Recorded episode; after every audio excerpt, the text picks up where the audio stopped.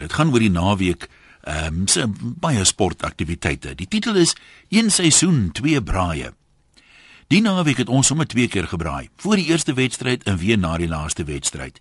En daar was 'n verteenwoordiger van al ses Karibekerspanne onder ons, so die tonge het lekker geklap. Maar so tussen al die goeie gespot deur, was daar verbasend baie wysheid ook. Hoe sê een altyd, die waarheid is mos in die wyn.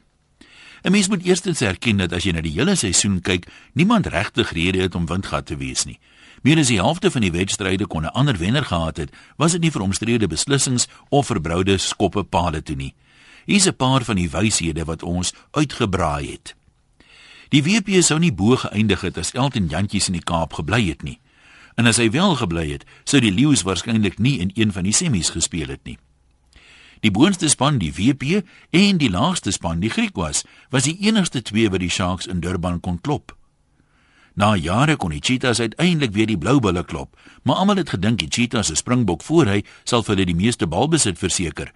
Toe wen die Bulle soveel bal dat die Cheetahs baie meer as hulle moes tackle. Maar die Cheetahs het dit goed genoeg gedoen om te wen.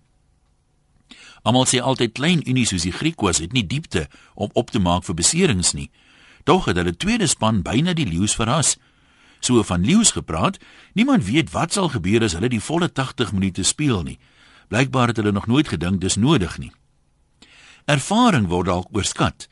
Die Bulls se ondersteuners praat graag van hulle jong spannetjie, maar daai einste spannetjie was kookwater teen die verdedigende kampioene op Nieuweland in die heel eerste wedstryd van die seisoen.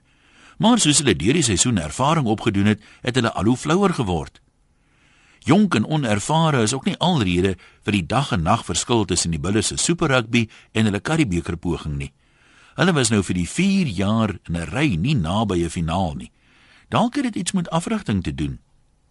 En verder so van ervaring gepraat, baie van die uitblinkers in vanjaar se Karibeker se name was aan die begin van die seisoen grootliks nog onbekend, maar hulle het hulle kansse aangegryp.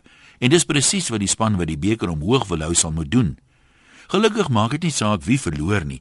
Hulle ondersteuners sal altyd 'n verskoning vind. Mag die beste span die koppie buit en mag die ref ewe blind wees in albei oë. Groete van oor tot oor. Anoniem.